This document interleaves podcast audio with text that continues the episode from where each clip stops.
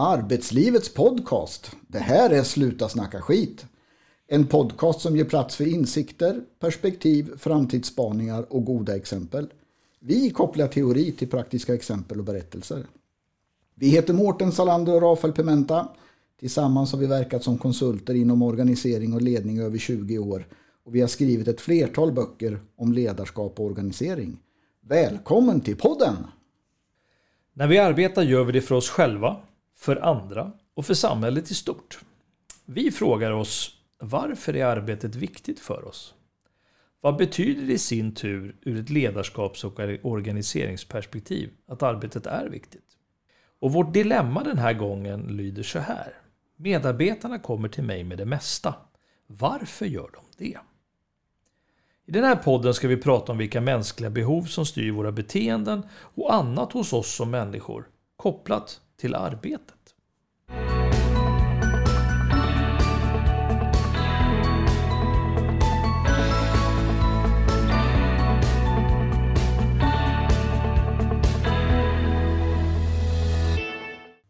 Den första punkten eh, handlar om varför vi arbetar, förutom att få en lön. Eh, och eh, vi, vi väljer att lägga det på, på bogen att prata om att det handlar om att tillfredsställa djupa mänskliga behov.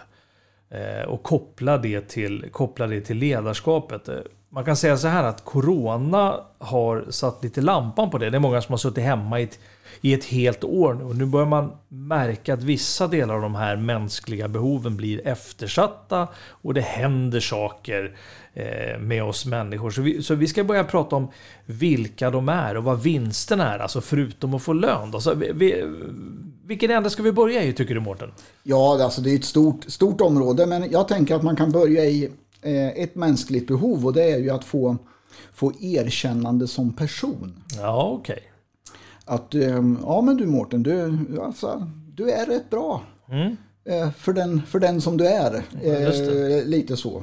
Men vi är ganska... Of, ofta är vi osäkra på att ställa den typen av frågor eller att söka den typen av bekräftelse. Så att vi gör det oftast via prestation. Mm. Och du sitter ju precis nu och spelar in en eh, podd ihop med en kille som har varit svensk mästare i eh, prestation. För jag, jag har ju eh, liksom i min karriär, ehm, eh, jag pratade om det tidigare, men, men eh, jag var chef över en kedja som hade 86 butiker och det dög inte. Man skulle vara stor och stark över 100 och så vidare. Så du skruvar på prestationen hela tiden för? Och tänker att då borde jag i alla fall få någon form av erkännande som person. Just det. Men, men det är att vi säger till varann och ger varandra cred för den vi är. Som är liksom, det är snabbladdning så det heter, heter duga. Mm. Men mer saker då Rafael? Ja, eh, en, en, annan sak som jag tänker på som också är ett, ett mänskligt behov. Det är att arbeta med någonting som är viktigt tillsammans. Och det är lite på temat att ensam inte är alltid stark. Utan det finns en, finns en enorm känsla i att vinna saker tillsammans. Att dela glädje. Att känna kraften i ett lag.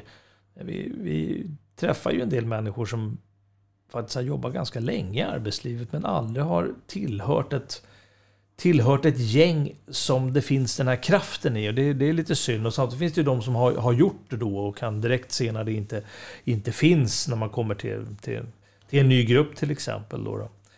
Eh, så att, att arbeta med någonting viktigt tillsammans och göra, göra det i ett gäng, det, det, det får oss att må bra. Vi känner att vi betyder någonting, vi kan se våran del i det hela. Eh, men även att man kan lämna någonting efter sig. Alltså att den, den där bron har jag varit med och byggt, eller det huset, eller det var vi som tog det här beslutet så, eller vi uppfann det här och nu ser man att var man kan använda det och så. så, så att, Viktigt att göra tillsammans är också ett behov.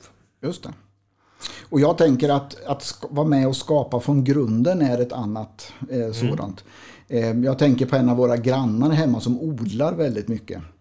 Och jag kan fundera på om de där eh, potatisarna eh, bidrar i någon större utsträckning till, till eh, hushållsbudgeten. Men jag tror att det har liksom en helt annan betydelse att vara med och skapa från början. Och tänker man företag och organisering så, så är det ju precis samma sak.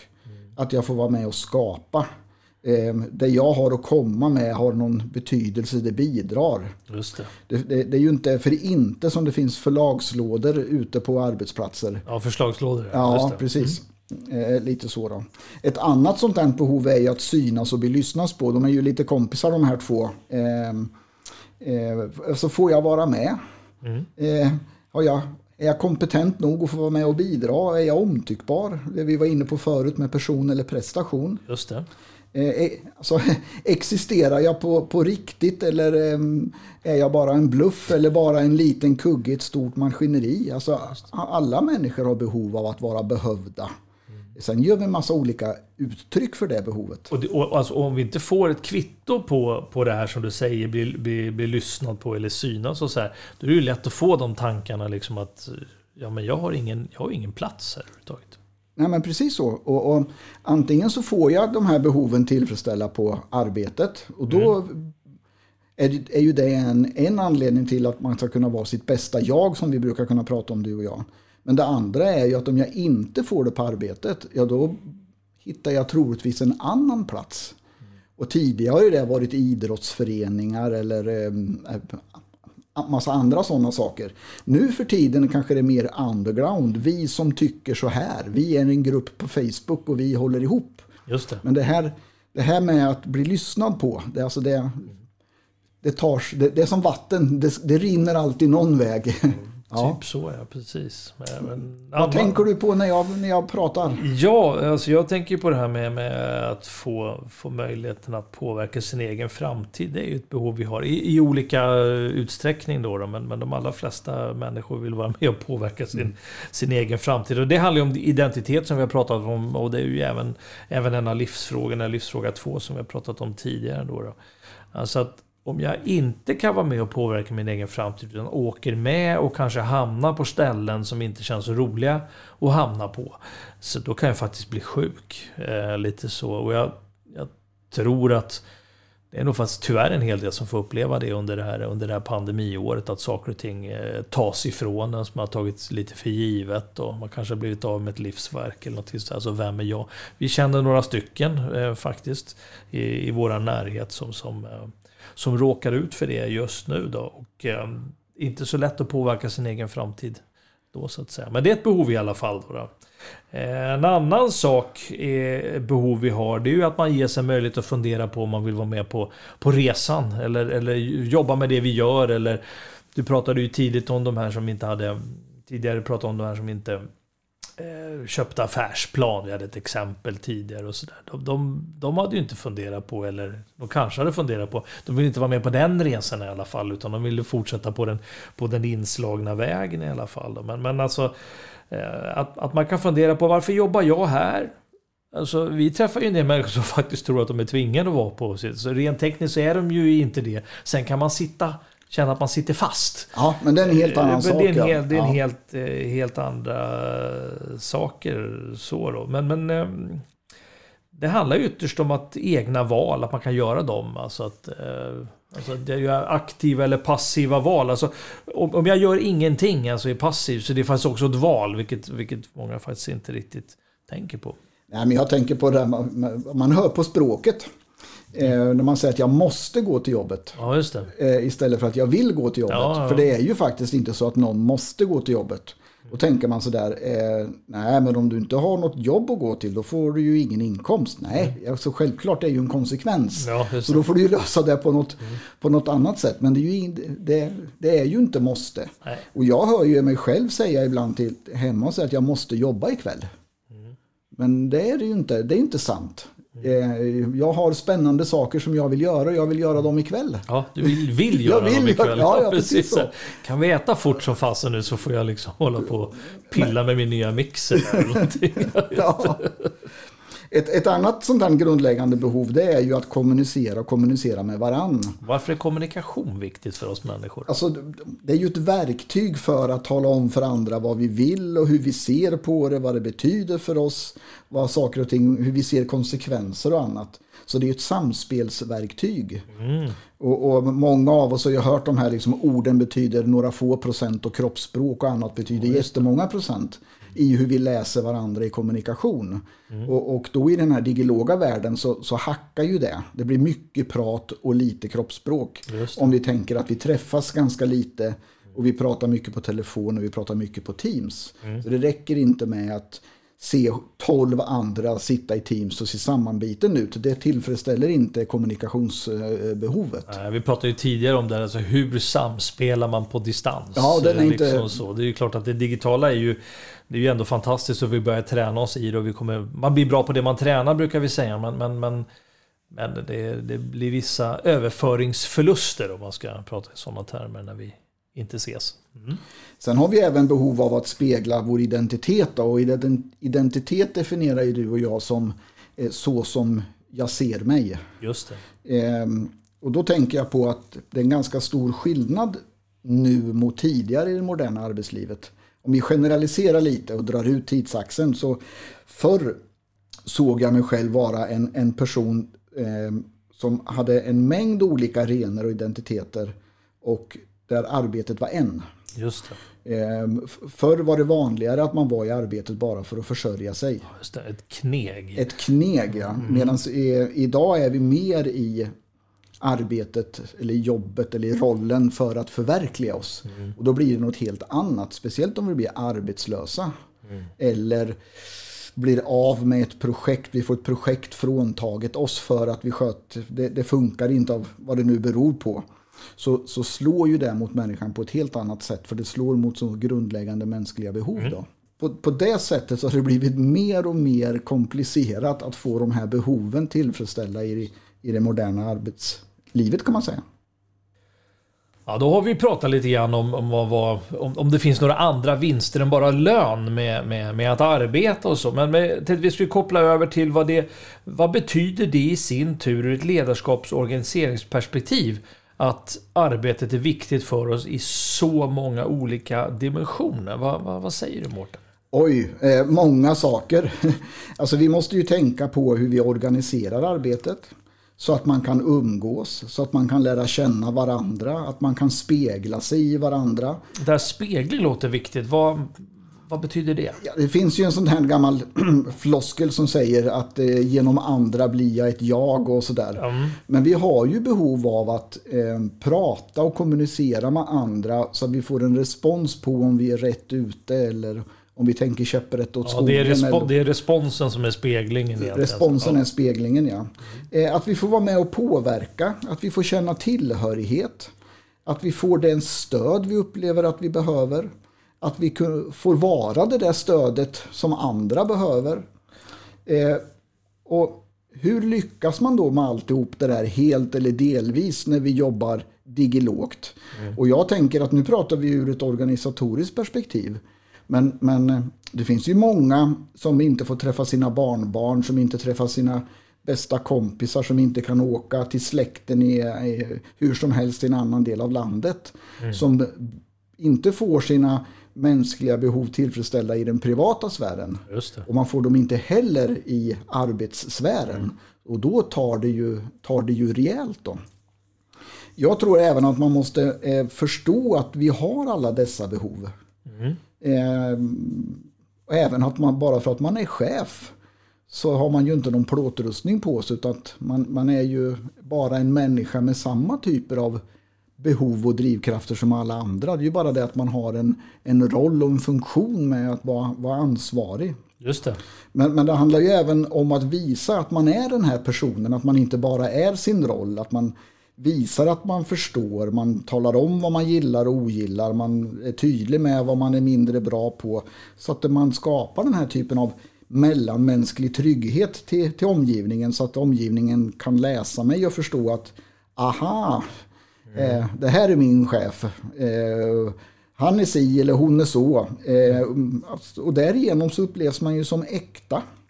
Och, och, då blir det ju att nej, men då är det mycket enklare att gå och få en annan typ av dialog. Som chef kan man ställa andra krav på sina medarbetare. Som medarbetare kan man ställa krav på sin chef. Mm. Eh, man kan diskutera förväntningar på, på ett bra sätt. Men det du säger, det du säger att det, det är ännu viktigare nu att chefen blir kliver fram som människa mer. Absolut I det så. som vi är inne nu då. Mm. Och då måste man tajma sin funktion, tänker jag. Ja, vad menar du med det? Jo, alltså att det kanske är läge att ta ett nytt fokus på de mål vi har. Ja. För att det har fallit, fallit undan lite. Vi kanske måste genomlysa eller skapa ökad förståelse för hur hela verksamheten hänger ihop. Eh, förtydliga vad som måste göras. Eh, förtydliga kravställning. Vad som förväntas och så vidare. Då hör ju du på mig att jag pratar om lite kortare saker och i en högre tydlighetsgrad. Då. Eh, Just det.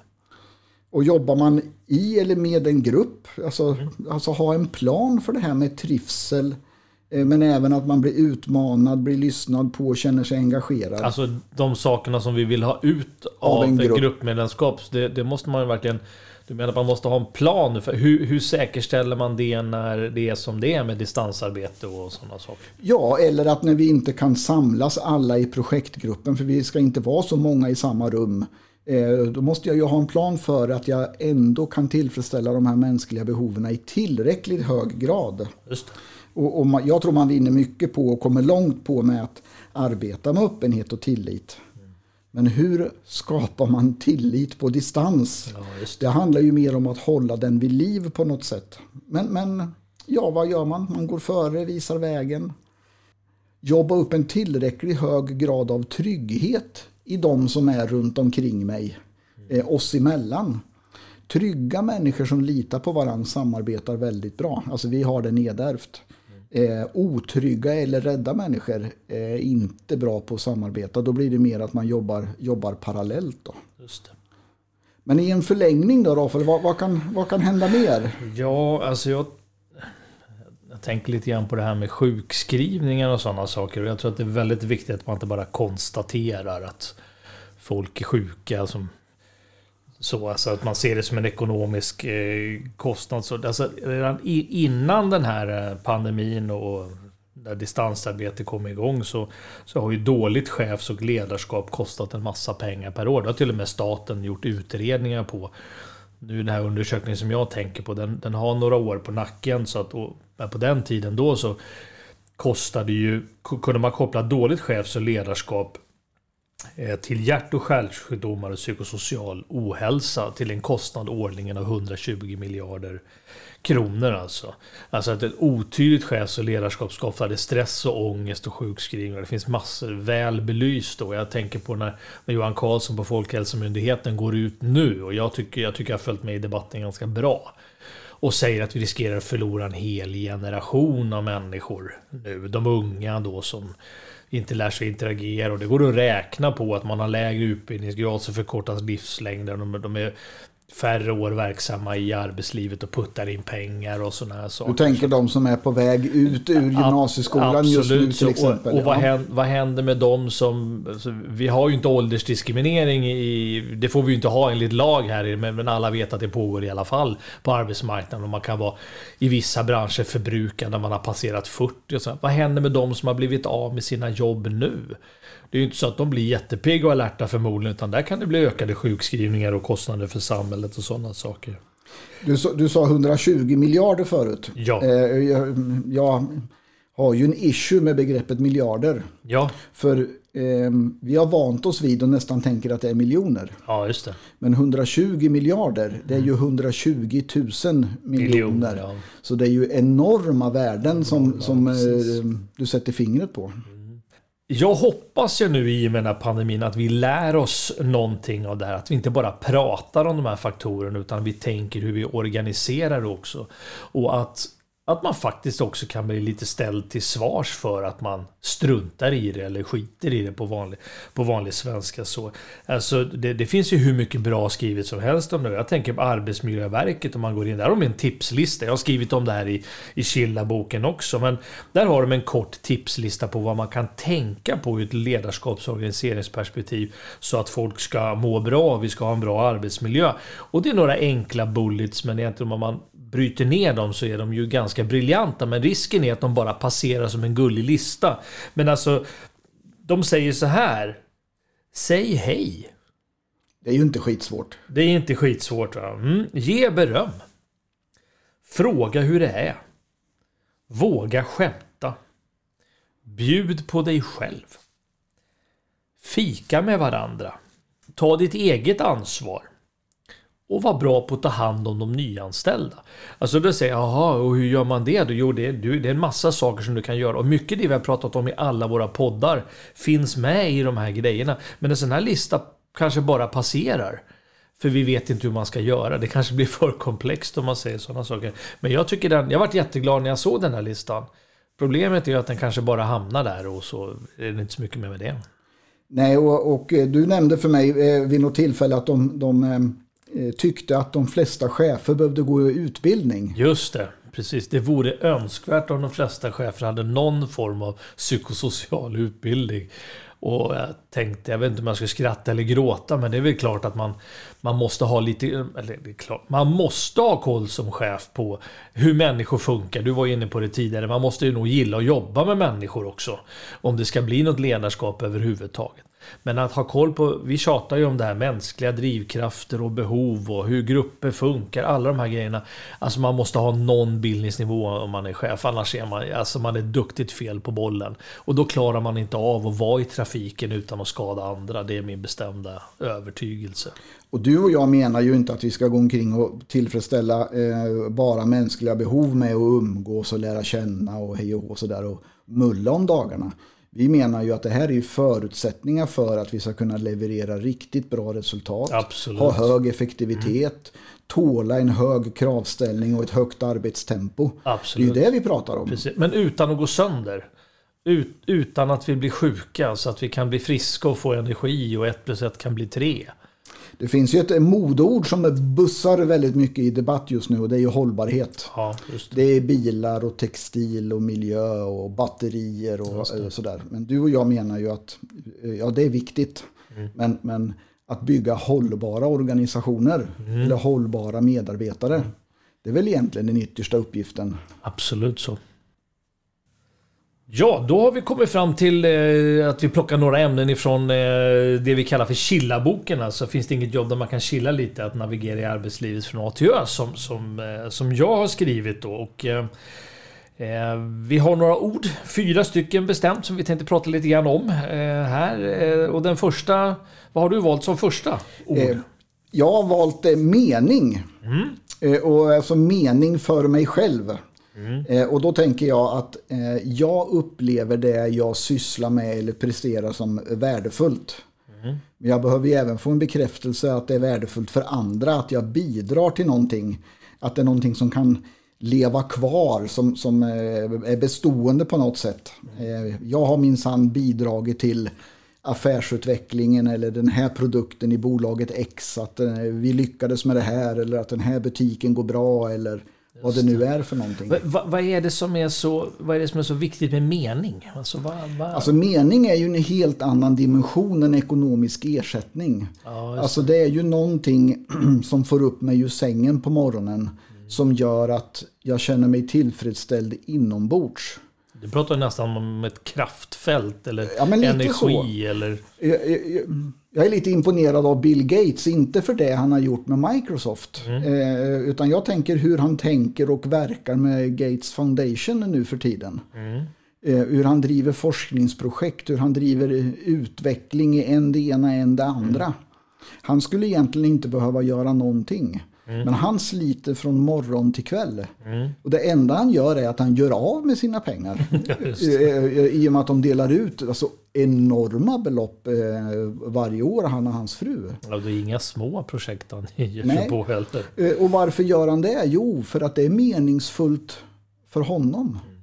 Att bidra till eh, att utrota fattigdom. Att, eh, de har ju ma massa spännande eh, projekt sådär. Men jag tänker även på mening Alltså en gång i tiden när barnen spelade ungdomsfotboll fortfarande. Mm. Så hade vi en äldre herre som kritade planerna. Just det. Ner på den här allmänna idrotten där vi spelar våra matcher. Han gick där fram och tillbaka? Och... Ja, det var ju alltså det tog en och en halv timme på lördagmorgonen. Mm. Och sen så regnade det och var dåligt väder på tisdagen och onsdagen och så var det träning på torsdagen och så fick han göra om Göra det om alltihopa. Ja. Ja. precis. Men han fick ingen ersättning för det. Nej. Men han kunde stå på sidlinjen och jag frågade honom en gång. Han sa nej men jag tycker om att se när de spelar. Det var mening. Det var liksom ett, han tyckte att han fick rejält betalt för sin arbetsinsats. Bara genom att se glädjen i killarna och tjejernas eh, spel. Just. Ehm, har du något spännande ord? Alltså jag, när du säger det där, han fick ingen ersättning, då kopplar jag ihop det där med, med lön. Eh, lite så, det är ju någonting som man råkar ut för i arbetslivet, eller förhopp, råkar ut för, men förhoppningsvis så får man lön då, Ja. man, be- man behöver ju på något Det är väldigt praktiskt har jag hört. delta i samhällets konsumtionssnurra, så då behöver ju folk pengar så de kan eh, aktivt delta i det här. Men, men lön är, är och förblir en yttre eh, stimulansfaktor. Alltså att det, det är något annat än mening att säga, som kommer liksom lite inifrån. Utan det är klart att en del blir stimulerade av lön och sådana saker. Men, men, men, men det finns ju faktiskt forskning på att, att man frågar sig vad är den optimala lönen? Och nu, nu har det här några år på nacken så jag har skrivit upp summan lite grann. Men någonstans runt 50 000 kronor i månaden så då, då, då saknar man inte speciellt mycket. Då, då klarar man sig liksom rätt bra. Och så de som ska ha, tjäna 5 miljoner i månaden, så här, de, de, det stod i den här forskningsrapporten, de lider av lite andra saker som gör att det finns liksom inget stopp Ja, för hur mycket man kan. Men, men om jag vill använda lön som stimulansfaktor så, så har det inte så stor betydelse över 50, då är det andra faktorer. Nej, om vi ska hålla över till... Det är helt andra faktorer som liksom håller över så, så den måste vara tillräckligt bra så att jag inte saknar någonting. Eller jag kan ha en liten buffert och, och sådana här saker. Så, så, att, så att då är det... Men, men den kan ju dyka upp i sammanhang det här lön. Så man kan tro att den är viktig när folk pratar om den.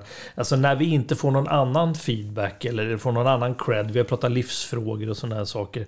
Och om vi inte får höra att vi är något bra eller bidrar med någonting bra. Så att vi inte har den typen av öppenhet och tillitsfull relation på, på jobbet. Eller följer den här listan som Arbetsmiljöverket som vi pratade om. Till, om, vi, om vi inte gör det där. Då kan vi ju fokusera på om Kalle har 1000 spänn mer eller 300 spänn mer. Ja, eller mig i Så om lön. jag inte får mina mänskliga grundläggande behov tillfredsställt, Ja. då ska jag fasen i mig ha lite cash i alla fall. Ja, och, och jag, jag kommer ju tänka på, nu inte lön då, men det var en annan form av ekonomisk belöning. Så det klassiska julbordet var på ett företag, vi var det här är ganska många år sedan. Så, så, så det, det, är väl, det är väl preskriberat. Men det är kanske någon som känner igen sig i alla fall. Men det var, det var runt jultid där så var det ett jäkla liv. Det var missnöje där med. Och vi frågade vad, vad, vad, vad, vad är det ni håller på att tuta om här? Vad är det liksom ni är missnöjda över? Så, jo, du vet, nu har de skurit ner den här eh, kuvert kuvertbudgeten då per person för jullunchen från 150 kronor till 135.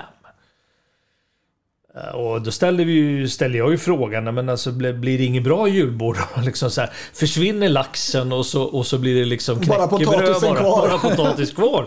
Eh, Så här, det var, det var, och vad det handlade om egentligen, det, det handlade ju om det här att man inte hade fått någon annan feedback eller uppskattning från ledningen under året på, på e- sådär. Och det enda man fick det var att kuvertavgiften gick ner 15 kronor per person. Så man såg det ju som en ren, en ren misstroendeförklaring eller att man inte var nöjd med ens jobb. Den typen av Så brist på kopplingar. erkännande egentligen. Det var Ja. absolut ett brist på erkännande. Och då fick, eh, fick den här ersättningen liksom klä skott på något vis. Då. Mm. Har du någonting mer spännande? Nej, vi, var ämne? inne, ja, vi var inne på, på och hade ett annat resonemang tidigare i podden här, men jag tänker på avslöjad. Ja, vad menar du med det? Ja, ehm, det, det har ju att göra med det här med självkänsla, Mm. eh, som du nämnde. Alltså när jag tittar mig själv i spegeln så funderar jag på hur mycket är den där killen värd? Mm. Eh, på en skala 1 till 10. Alltså jag vet att jag eh, kanske raljerar lite just nu och jag förenklar resonemanget oerhört just nu. Men, men om, om, vi, om vi håller det ändå, ändå där så, så kan jag ju eh, tycka att själv är jag inte så mycket värd.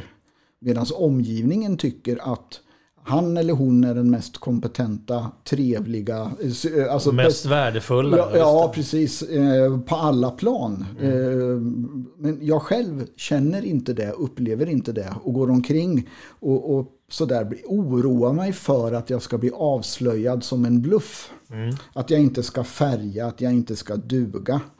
Eh, jag får någon bild i huvudet att eh, när jag sitter där på mitt kontor så knackar det helt plötsligt på dörren. Eller i kontorslandskapet kommer de fram till mitt bord. Och så säger de två, två personer i vit rock, diskreta. Mm. De har en sån här mellangrå Volvo utanför med ja, mörka rutor. Eh, diskret bil. Diskret bil och så säger de eh, Mårten eh, följ med här. Ja. ja. Det här var nu, ja. ja. nu är du genomskådad. Ja, du, du har som, den som den odugling du är. Ja, just det. Vi skämtar lite om det så, men, men vi möter ju och har mött ganska många personer som har hela eller delar av de här funderingarna i att hur duger jag i andras ögon? Medan andra kan tycka att de är hur bra som helst. Och då kommer vi tillbaks till det där med, med vänliga ord, tipslistan. Ja, att ge varandra eh, lite cred. Alltså vi, vi bara genom att hypa varandra och ge varandra lite vanlig hedlig cred. Vi behöver inte krångla till det med oändliga feedbacksbudskap. Utan bara tala om för varandra att vi gillar varandra och varför. Så kommer vi väldigt långt. Jag tänker ju lite grann som man gör i sportens värld. Jag pratade ju tidigare om det här med lön då, att det är så här yttre stimulansfaktor och sådana saker. Och, och liksom när man mäter resultat i, i sportens värld, om man tar ishockey till exempel, så, så tittar man på vem som eh, gör flest mål och vem som har flest passningar, så räknar man ihop och så poäng och sådana här saker. Men, men eh, inom ishockeyn och även inom andra idrotter så har man ju även så här, the, eh, the most valuable player. Just det. Och då, då tittar man inte på bara hur många poäng han utan man har gjort andra saker för kollektivet, för laget som gör, men det syns inte i, i, i poängstatistiken. Man är inte topp där, men man gör någonting annat. Man kanske man gör skitgörat och man kastar och slänger, täcker skott eller vad det nu kan vara. Sånt som också måste göras för att hålla, hålla siffrorna nere. Ja, just det. Så andra får glänsa helt enkelt. Ja. Mm, ja. Lite så då. Så att något mer du tänker på Rafael? Ja, jag tänker på ambition är väl den sista punkten vi plockar från, från, från Killa-boken då. Eh, det är ju lite fult att prata om vad man vill. Helst ska man bli lite upptäckt eller bli erbjudas någonting. Så nu, nu hjälper ju yngre generationer med oss för de kliver ju in och så, och så säger de så här, jag, jag vill göra det här, när kan jag börja? Alltså lite överdrivet så, men det finns en helt annan framfusighet och sådana saker idag. Alltså på gott och ont, men, men mest på gott. Man tar för sig så. Men att vi, be, vi måste uttrycka våra ambitioner. Liksom. Om, om du är min medarbetare och jag är din chef och jag har ingen aning om att du sitter på ambitioner. Men om jag visste om de där ambitionerna då skulle jag ju kunna, ja men den där Mårten vill ju det här. Då skulle jag ju faktiskt kunna kratta för eller skapa rätt förutsättningar för dig att prova dig fram och se om det är någonting för det. Men är du, är du, är du bara tyst och inte säger det så, så, så det blir svårt att hjälpa till. Då får man vara obs på den eh, jantelagen som vi har berört tidigare. Precis. Eh, bara som en liten passus. Eh, jag tror nog att den uppfanns i Västervik faktiskt. Ja, du tror det? Ja, Jaha. om inte annat så är den väldigt eh, tydlig där. Ja, okay. Att om någon sticker ut och har för höga ambitioner mm. så blir man lite nedplockad. Ja, så att det inte sticker ut för mycket. Och det tycker jag att vi kan se tendenser i, i organisationer eller mm. i olika sammanhang skojar jag lite om Västervik, men, men mm. bara som ett exempel. Som ett exempel, ja. Nej, men jag tror ambition är väldigt viktigt, att man ställer sig frågan vad vad gör, vad, var ser jag mig själv om fem år? Och jag tycker det, där, det, det, det ligger i många medarbetarsamtal idag. Men man har den punkten finns där. Eh, lite så. Men, men tar man det ett steg till. När du och jag jobbar med, med ledningsgrupper till exempel.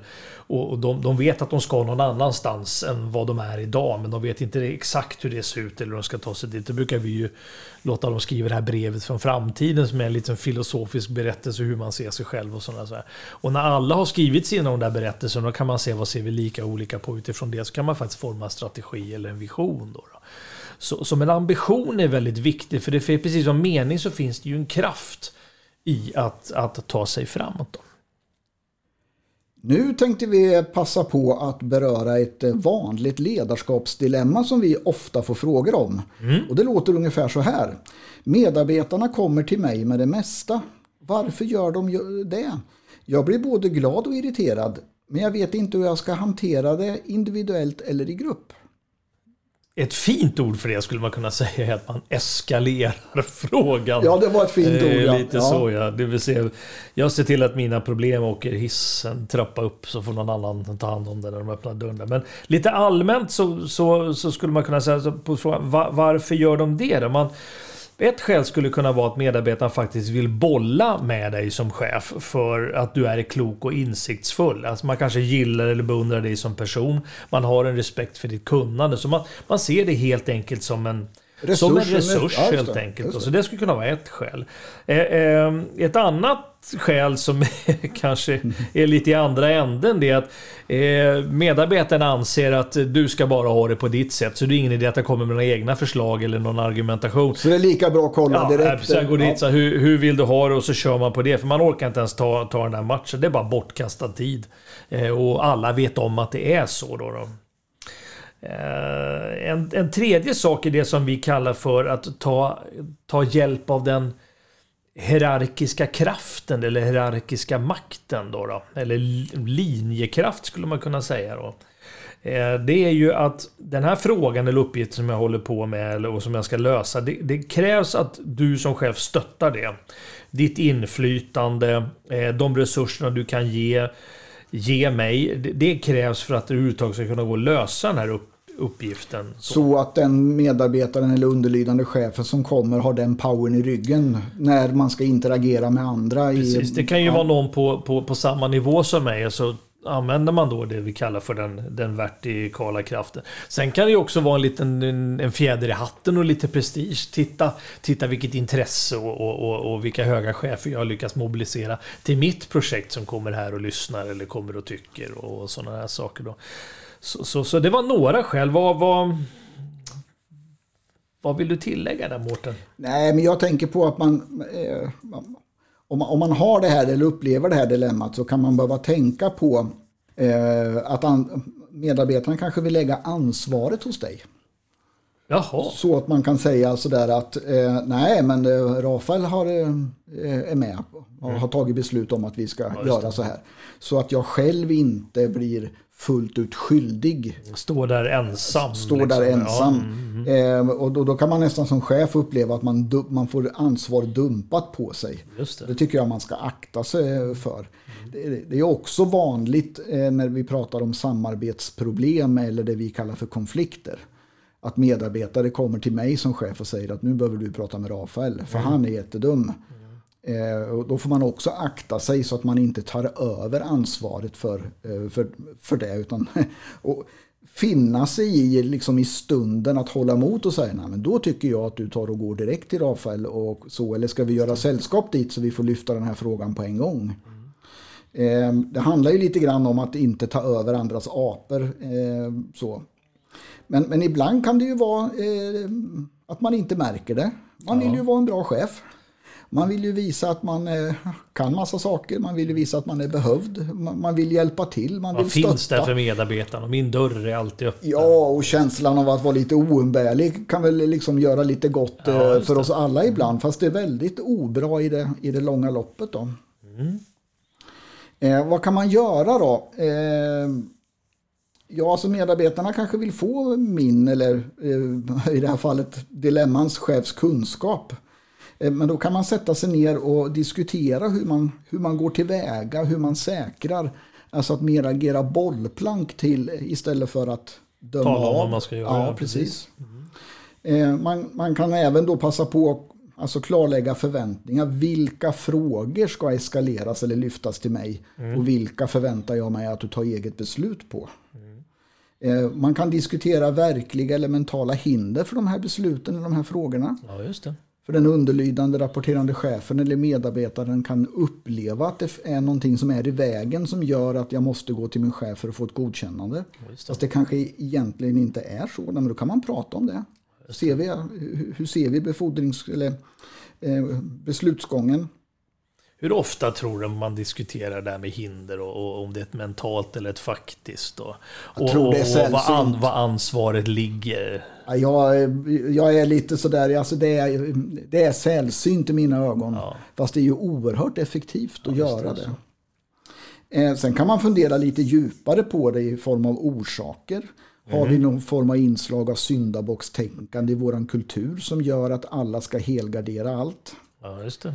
Eh, eller är det som så som du var inne på förut att jag sysslar med detaljstyrning så då får jag mm. leva med att alla ja, kommer. Precis. Eh, eller tycker jag om att ha kontroll och check mm. på, på, på det här.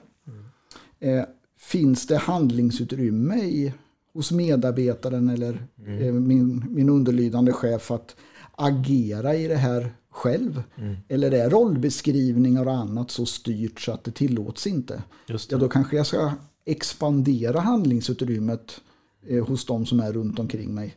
Eh, så att de kan gå mer själva och uppleva att de har befogenheter och, och, och hantera det här själva. Då. Jag tänkte på det du sa med syndabock där. Alltså vi, vi har ju varit i en och annan organisation där man beskriver sig själv som strykrädda. Eh, det är ju inte så himla konstigt att saker och ting eskaleras då, för jag vill ju inte sitta med dumstruten eller få skäll och, och sådana saker, utan då blir det de här dumpningarna, de här grejerna som vi säger. Ja, men precis så. Och när du pratar om det här, finns det något utrymme att agera? Det är ju det, det, är ju det man måste skapa. Eh, med bland annat flera av de verktygen som vi har pratat om i, de här poddarna. Då.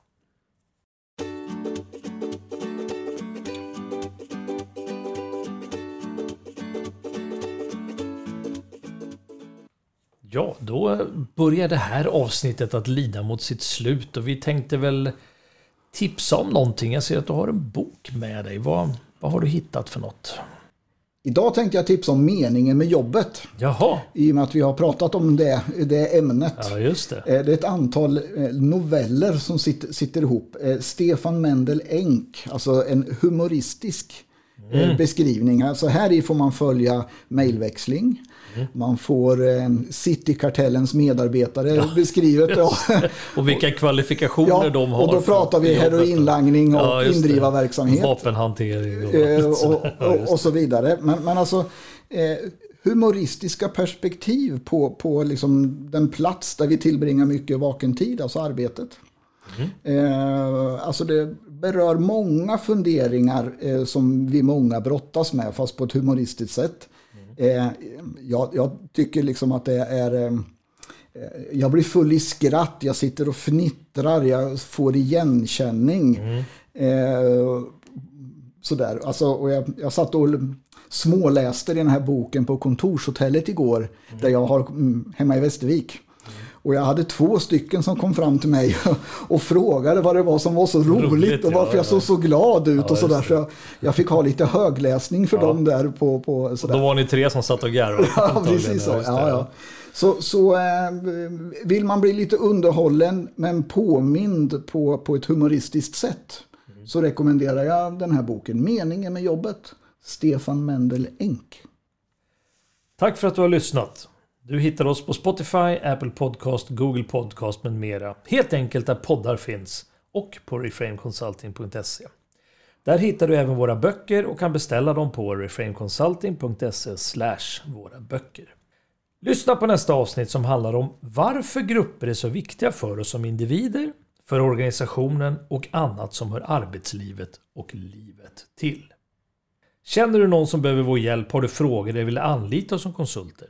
Tveka inte att kontakta oss på info at reframeconsulting.se